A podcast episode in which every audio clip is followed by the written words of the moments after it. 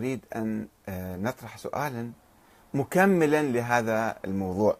إذا كان الأزهر منذ الشيخ محمود شلتوت رحمة الله عليه إلى الشيخ أحمد الطيب. طبعا خلي نضع آه، نفي الشيخ القرضاوي جانبا لأنه نفي غير علمي وغير حقيقي وغير صحيح. أنه الشيخ الأزهر محمود لم يصدر هكذا فتوى. ورد عليه تلامذته تلامذة الشيخ القرضاوي وقالوا لا الفتوى موثقة وصادرة وصحيحة. وهذا شيخ الأزهر أيضا يعترف بها. آه نريد أن نطرح سؤالا آخر مكمل لهذا الموضوع من أجل مزيد من التقريب. يعني هذه خطوة جيدة ورائعة ومهمة وتاريخية من الشيخ أحمد الطيب ومن الشيخ شلتوت عبر سبعين سنة موقفهم وحدوي. فما هو موقف علماء النجف؟ ما هو موقف علماء قم؟ صحيح هناك بعض العلماء كسيد البروجردي المرجع اللي توفى سنة 60 آه، المرجع اللي كان في إيران. وأيضا آه، هو اللي أرسل بعثة التقريب إلى آه، القاهرة من أجل الاعتراف يعني بالسنة وتبادل الاعتراف بين الشيعة والسنة. وهناك علماء وحدويون كثيرون حتى في داخل العراق في داخل النجف يؤمنون بضرورة تجاوز هذه الخلافات. التاريخية القديمة وتوحيد الأمة الإسلامية. ولكن حتى الآن في الحقيقة لم تصدر فتوى من علماء النجف من علماء الحوزة يعني آه، عموما حتى من قوم بجواز التعبد بالمذاهب السنية. ما هو السر في ذلك؟ ولماذا لا يصدرون هذه الفتوى؟ وما هي المشكلة التي تمنعهم من ذلك؟ سنحاول في هذا ال... وقد تكلمنا عن موضوع التقارب وهذه الفتوى في حلقة سابقة قبل عدة شهور ولكن نحاول اليوم آه، تسليط الضوء على العقدة آه، عند بعض السنة مثل الوهابية وعند بعض الشيعة الذين يرفضون آه، الاعتراف بالمذاهب الأخرى وكل طرف يقول أنا على الحق وغيري على باطل ونحن الفرقة الناجية والبقية على خطأ. طبعا كان في ناس متطرفين في عند الشيعة سابقا كالشيخ المفيد مثلا. كان متطرف جدا الذي كان يقول بأن من لا يؤمن بولاية أهل البيت فهو كافر عند الله ولو إحنا في الظاهر نعامله معاملة أنه مسلم لأنه يتشهد الشهادتين ولكنه مصيره إلى النار في الآخرة.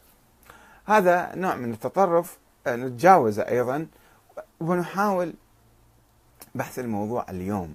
ما هي العقدة في العقل الشيعي أو العقل السني التي تمنع من الاعتراف وتبادل الاعتراف مع الآخرين.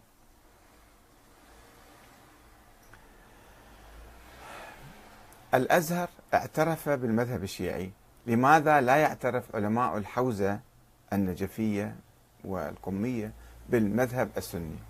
شيخ الأزهر يقول شيخ الأزهر أحمد الطيب الدكتور أحمد الطيب يرفض دعوة الوهابي السعودي الغامدي لسحب الاعتراف بالمذهب الشيعي الاثني عشري. ورأينا كيف يرد عليه ويقول أن سياسة الأزهر هي الاعتدال والتقريب والتوحيد بين الأمة الإسلامية.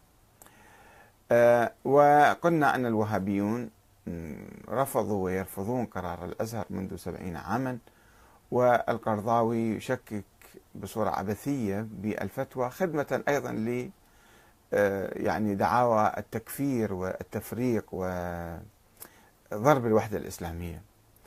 السؤال الآن لماذا لا يعترف علماء الحوزة بالمذهب السني؟ ويصدرون فتوى لماذا لا يصدرون فتوى بجواز التعبد بالمذاهب السنية؟ في الحقيقة السنة والشيعة ليسوا مذهبان أو ليسوا مذهبين فقط هما إنما كل فريق هو مذاهب متعددة. معروف السنة آه، أحناف ومعتزلة وأشاعرة ومالكية وشافعية وحنابلة ويعني آه، انقسامات كثيرة توجد في المذاهب السنية أو المذهب السني. وكان بينهم تناحر بالتاريخ في أكثر من مكان وأكثر من زمن. والشيعة كذلك هم ليسوا آه، فرقة واحدة. هم زيدية وإسماعيلية وإمامية والإثنى عشرية والإثنى عشرية ينقسمون إلى أصولية وأخبارية وشيخية وغير شيخية.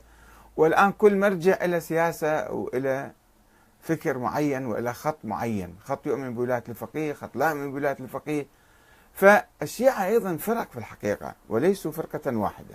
فأي فرقة شيعية تعترف أو يجب أن تعترف بالمذاهب السنية وبأي مذهب سني تعترف.